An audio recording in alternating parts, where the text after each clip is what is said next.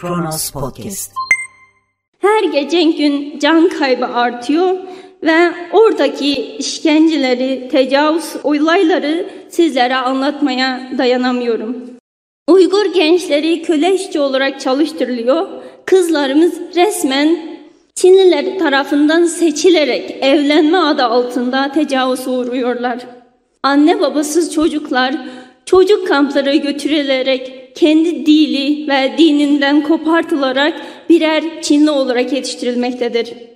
Çin her ne kadar üstünü örtmeye çalışsalar da teknolojiden yararlanan gazeteciler, araştırmacılar, uluslararası insan hakları örgütleri Çin'in Uygur, Kazak, Kırgız, Doğu Türkistan'daki diğer Türk topluma soykırım uyguladığını kanıtlamıştır. Şimdi şunu sormadan edemiyorum. Dünya neyi bekliyor? Oradaki milyonlarca insanın ölmesini mi? Eğer gerçekten sizin bu suskunluğunuz Doğu Türkistan'daki kardeşlerimin silinmesine sebep olursa ben nasıl inanırım ki yani insan hakları diye bir şeyin olduğunu? Nasıl inanırım ki Müslümanların, Türklerin kardeş olduğuna? Lütfen elinizi yüreğinizi koyunuz. Vicdanı olan, insan olan herkesin yapması gerekeni bir an evvel yapmasını istiyorum. Bu zulüme hep birlikte dur demenizi istiyorum. Ben sözümü söyledim. Şimdi insanlıktan cevap bekliyorum. Kulak değil vicdan kesilmek lazım bu sesi işitebilmek için. Çünkü bu sesin Türkiye sınırları içindeki muhatapları aman bu ses kulağımıza ilişmesin, oradan inip vicdanımızı titretmesin diye Çin üzerinden elde edilebilecek paranın sesini duyuyorlar. Belki buna kendilerince mecburlar ama şundan hiç şüpheniz olmasın bu mecburiyet Türkiye lehine bir mecburiyet değil. Bu mecburiyet mevcut yönetimin iktidardaki devamı için bir mecburiyet. Ekonomisi zaten zorda olan bir ülke ilk etapta nereden gelirse gelsin gelecek her krediye buyur diyebilir. Hatta ağır şartları kabul edebilir. Ama bakınız bunlar ağır mali şartlar gibi değil. Bunlar o ağır mali şartlardan çok çok daha öte insanlıkla ilgili bir sorun. Hem din kardeşiniz hem soydaşınız hem de insan ve siz orada bir sorun yaşandığını biliyorsunuz. Sorun sözcüğü de hafife almak. Bir soykırım yaşandığını oradaki şahitliklerden yola çıkarak söyleyen az değil. Nedir dönemediğiniz söz? Nedir altına attığınız imza? Ve nedir sizi bu kadar kendinizle çelişmeye iten? Sözüm ona Milliyetçi Hareket Partisi bir dava partisi olarak değerlendirilir değil mi? İdeolojik bir parti olarak değerlendirilir. Nedir sizin ideolojiniz? Nedir düşünceniz? Sizin kardeşlerinizle, soydaşlarınızla hiçbir bağınız yok mu? İlginiz yok mu? Nasıl bunu görmezsiniz? Nasıl sadece bu konuda Vatan Partisi'nin Doğu Perinçek'in argümanları üzerinden ilerleyebilirsiniz? Neden biz de bu konuda hiç değilse oraya bir heyet gönderelim incelesinler demiyorsunuz? Kendinize nasıl açıklıyorsunuz bunu? Öte yandan Adalet ve Kalkınma Partisi yeri geldiğinde ihtiyaç hissettiğinizde kullandığınız bütün manevi değerleri inkar ediyorsunuz Doğu Türkistan konusunda. Çin'e savaş mı ilan edelim dahi denildi Türkiye Büyük Millet Meclisi'nde. Kimse sizden Çin'le savaşmanızı beklemiyor. Mangalda kül bırakmıyorsunuz ya yeri geldiğinde can vermekten söz ediyorsunuz. Yapmanız gereken tek şey Birleşmiş Milletler başta olmak üzere uluslararası tüm örgütleri bu konuda harekete geçirmek. Din ve soy bağınız olan bu insanlara karşı siz duyarlı değilken başkalarından bunu nasıl beklersiniz ki? Hoş böyle bir derdiniz de yok zaten. Gündeme gelmesinden bile rahatsız oluyorsunuz. Merhaba 27 Ocak 2021 Çarşamba günün tarihi ve Kronos günden başlıyor Kronos Haber'de. Doğu Türkistanlı kadın kürsüye çıktı, AA ve TBMM TV canlı yayını kesti. İyi Parti Genel Başkanı Meral Akşener grup toplantısında Doğu Türkistanlı bir kadını kürsüye çıkardığı sırada Türkiye Büyük Millet Meclisi TV ve diğer televizyonlar canlı yayını kesti. Grup toplantısında konuşan Doğu Türkistanlı Nur Siman Abdurraşit, bütün ailesinin hapse atılmasının sebebinin okumak için Türkiye'ye gelmesi olduğunu söyledi. Doğu Türkistanlı Abdurraşid'in konuşmasını bitirmesi üzerine Anadolu Ajansı ve TBMM TV yayını tekrar canlı olarak vermeye başladı. Canlı yayında sesi kesilen Doğu Türkistanlı Nur Siman Abdurraşit İyi Parti grup toplantısında konuşarak yaşadıklarını şöyle anlattı. Şu an İstanbul'da prestijli bir firmada çalışıyorum ama maalesef sevincimi ailemle, kardeşlerimle paylaşamıyorum. İnanın ki şu an Allah düşmanıma bile vermesin dediğim bir durumdayım. 18 Haziran 2017'den beri ailemle iletişim kuramıyorum. Ne akrabalarıma ne de kardeşlerime ulaşabildim. Tam 3 senelik çabadan sonra öğrendim ki annem, babam, abim ve küçük kardeşim ilk önce 21. yüzyılın toplama kamplarına götürülmüş. Sonra da hiçbir gerekçe gösterilmeden hapis cezasına çarptırılmış.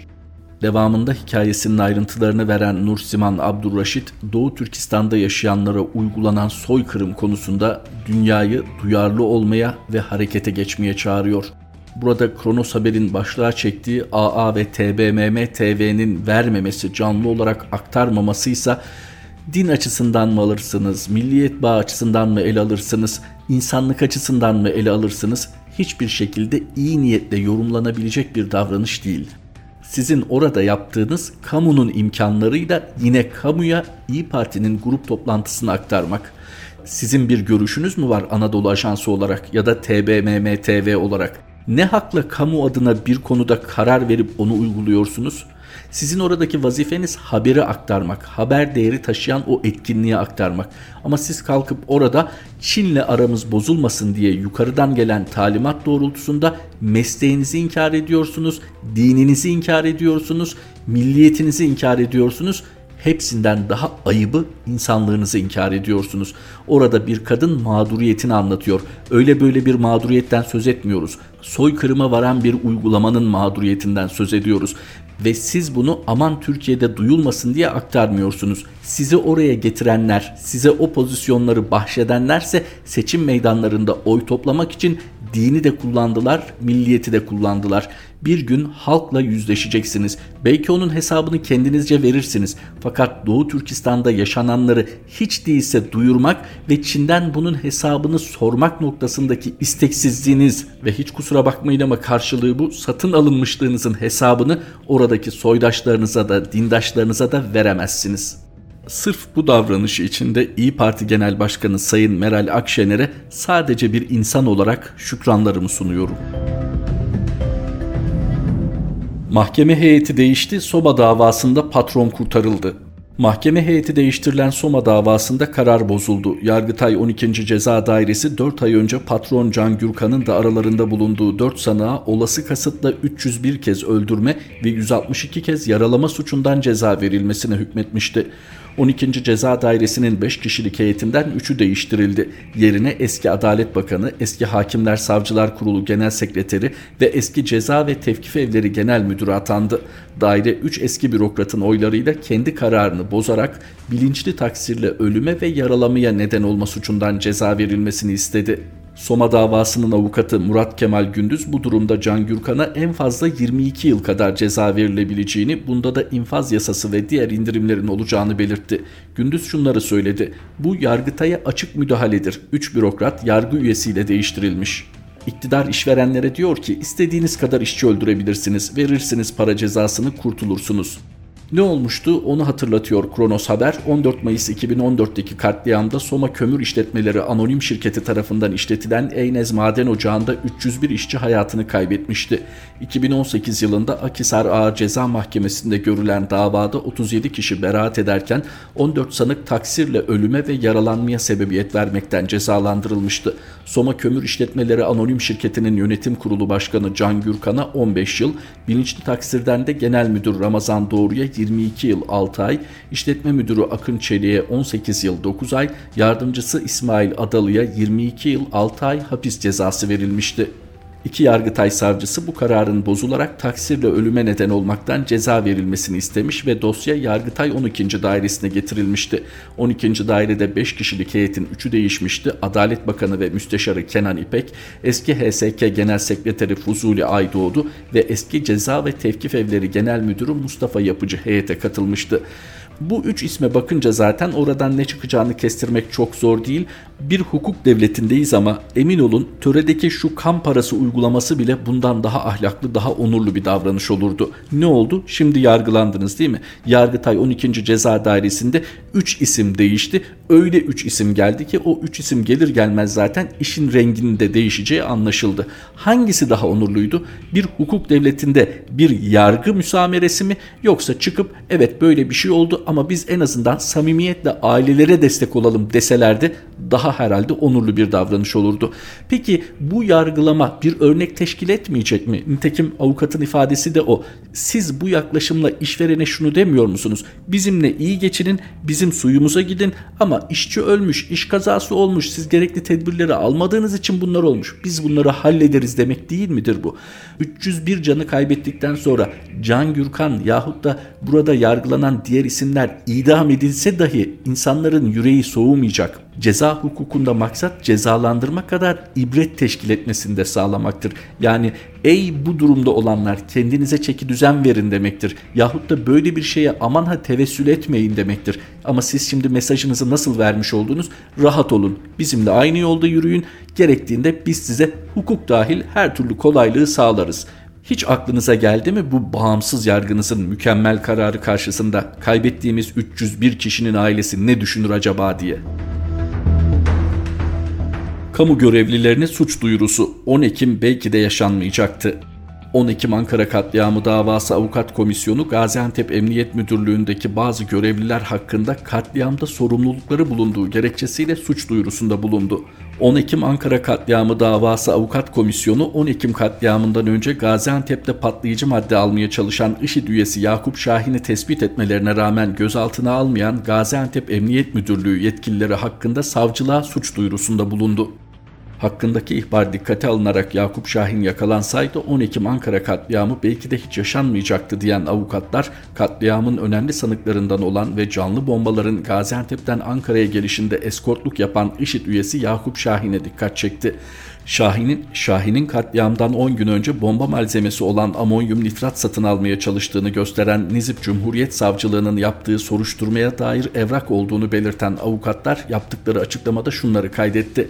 Nizip Cumhuriyet Savcılığı o dönemde Nizip'te gübre bayiliği yapan ve kendisinden gübre almak isteyen şahıslardan şüphelenen bir kişinin 30 Eylül 2015 tarihinde yaptığı ihbarı ciddiye alarak konuyla ilgili hemen soruşturma başlatmış ve Yakup Şahin'le onunla birlikte hareket eden Hüseyin Tuncu ve olayda kullandıkları araçları kısa sürede tespit etmiştir. Bunun üzerine Nizip Emniyet Müdürlüğü 2 Ekim 2015 tarihinde katliamdan 8 gün önce kimliğini tespit ettikleri Yakup Şahin'i Gaziantep Emniyet Müdürlüğü Terörle Mücadele ve İstihbarat Şube Müdürlüklerine bildirerek hakkında gerekli araştırmanın yapılmasını istemiştir. Ancak dosyaya gelen bilgi ve belgelerden anlaşıldığı kadarıyla Gaziantep Emniyet Müdürlüğü bu ihbarla ve Yakup Şahin'le ilgili hiçbir işlem yapmamıştır. Oysa ki o dönem IŞİD'in arka arkaya canlı bomba eylemleri düzenlediği ve bu eylemlerin Gaziantep'ten organize edildiği bilinmekte olup böyle bir ihbarın ciddiye alınmaması katliam faillerine özellikle dokunulmadığını düşündürmektedir.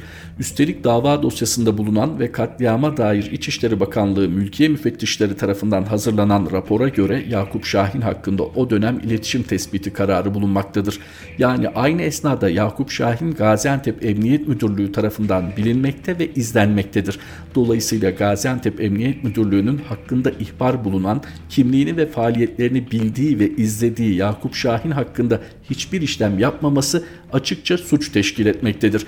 Nitekim hakkındaki ihbar dikkate alınarak Yakup Şahin yakalansaydı 10 Ekim Ankara katliamı belki de hiç yaşanmayacaktı. Aslında haber metnini aktardıktan sonra söylenecek bir şey de yok. Bakınız vatandaş bir hukuk devletinde her şeyden önce kendisini devlete teslim eder. İnançları doğrultusunda önce Allah sonra devlet diyebilir. Fakat devlette kamu adına görev yüklenen isimler hele hele güvenlik personeli polisinden askerine, jandarmasına kadar bu güveni boşa çıkaracak ihmal, kasıt bu tür davranışlar sergilerse bunun adı suçtan öte bir şey olur, ihanet olur. Hakkında ihbar var. Bomba yapımında da kullanılan gübreden satın almak istiyor. Diyelim ihbar kayda değer bulunmadı ama aynı isim üzerinde o dönem zaten iletişim tespiti kararı var. Bu kadar bileşeni olan bir problemde en azından ihmalden söz etmeyecek miyiz? Bakın daha kasıt demiyoruz. İhmalden söz etmeyecek miyiz? Bu konu araştırılmayacak mı? Soruşturulmayacak mı? Fakat gelin görün ki kurulan yeni sistemde suça kim bulaşıyorsa kendi adına yapmıyor. Kendi adına yaptıkları suçun eğer bir getirisi varsa ve yeterince paylaşılmışsa sorun değil. Çok sayıda örneği görüldü ve görülüyor. Paylaşım sağlıklı yapılmışsa kendi açılarından suç bir şekilde görülmeyebiliyor.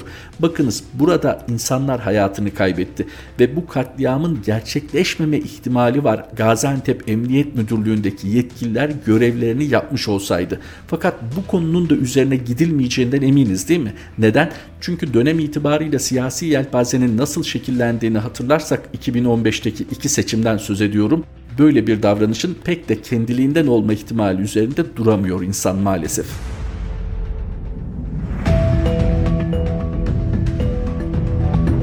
Milletin parasıyla bedelli askerlik yapan vekiller için yasal düzenleme yapılıyor.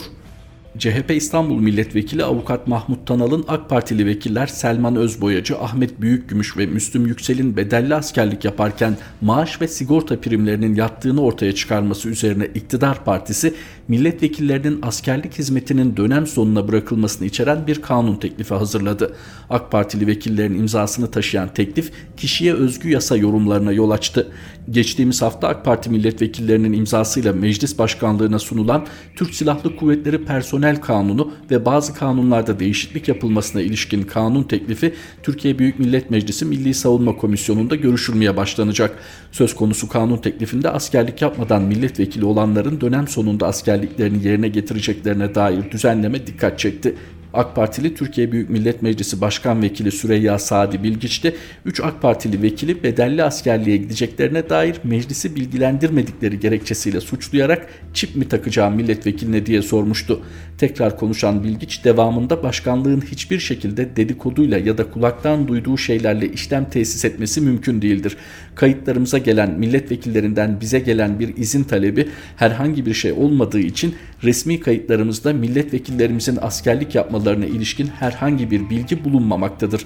Ben bunu paylaşıyorum resmi olarak demişti.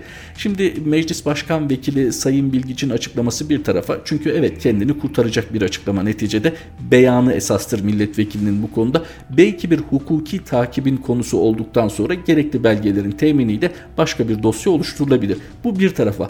Burada bir zihniyet üzerinde durmak istiyorum. Bakınız 3 milletvekili vatani vazifesini yapacak ve devlet ona bir imkan sağlıyor. Doğru yanlış hani şu an milliyetçi hisleri çok kuvvetli bir ittifak var ya ülke yönetiminde. Onlar nasıl bulur bilmiyorum ama herkes aynı milliyetçi hassasiyeti taşımak zorunda değil. Evet böyle bir karar alınmıştır. Ben paramla bedel ödemek isterim der. Kendi bileceği iş. Fakat Mesele burada aynı zamanda milletvekilliklerinin devam etmesi. Oradaki birkaç kuruş sigorta primi bakmayın birkaç kuruş dediğime neticede kamunun malıdır. Acaba bu milletvekillerimizin gerçekten o meblağa ihtiyaçları mı vardı ki bu konuda meclis başkanlığını uyarmadılar? Bu konuda kendileri bizzat harekete geçmediler. Ha sorsanız belki geçeceklerdi, yapacaklardı ama avukat Mahmut Tanal tarafından ortaya konulunca bu pek bir kıymet arz etmiyor tabii ki altını çiziyorum. Zihniyet meselesi kamudan çalınan bir kuruşla bir milyar arasında tabii ki fark var. Ama zihniyet itibarıyla bir zihniyetin deşifre edilmesi itibarıyla bilerek ve isteyerek kamudan alınmış o bir kuruş, haksız yere alınmış bir kuruş bir milyar kadar kıymetlidir. Zihniyet dedik ya hemen şu başlığa geçelim. AK Parti cezaevinde yediği yemeğin parasını ödeyemeyenlere haciz gönderdi. Covid-19 yasaklarına uymayanlara yüklü para cezaları kesen AK Parti iktidarı cezaevi iaşesini ödemeyen sabıkalılara da haciz yollamaya başladı. 2015'te soygun suçundan aldığı cezasını tamamlayıp çıkan FC bir işlem yapmak için girdiği e-devlet uygulamasında iki ayrı vergi dairesinden borcu olduğunu gördü. Vergiye tabi herhangi bir iş yapmayan FC borcun nedenini öğrenmek için vergi dairesine gitti. FC Bayrampaşa'ya bağlı Metris cezaevi ve sonrasında Silivri cezaevinde kaldığı sürelerde günlük günlük iaşe bedeli olan 8,5 lirayı ödemediği için vergi borcu tahakkuk ettirildiğini öğrendi.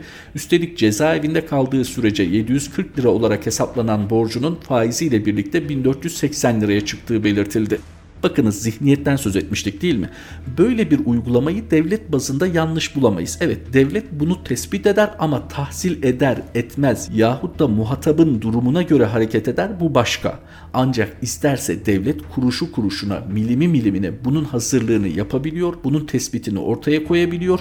Bu donanıma sahip bir devlet. Fakat 3 milletvekilinin bedelli askerlik sırasında Türkiye Büyük Millet Meclisi çatısı altından maaş ve sigorta primlerinin aktarılması hususunu tespit edemiyor. İşte zihniyet diye deşifre etmek istediğimiz bu. Hani Türkiye'de ne denilir hep? Kanun garibana işler. Kronos Haber'den Kronos gündemi aktardık. Tekrar buluşmak üzere. Hoşçakalın. Kronos Podcast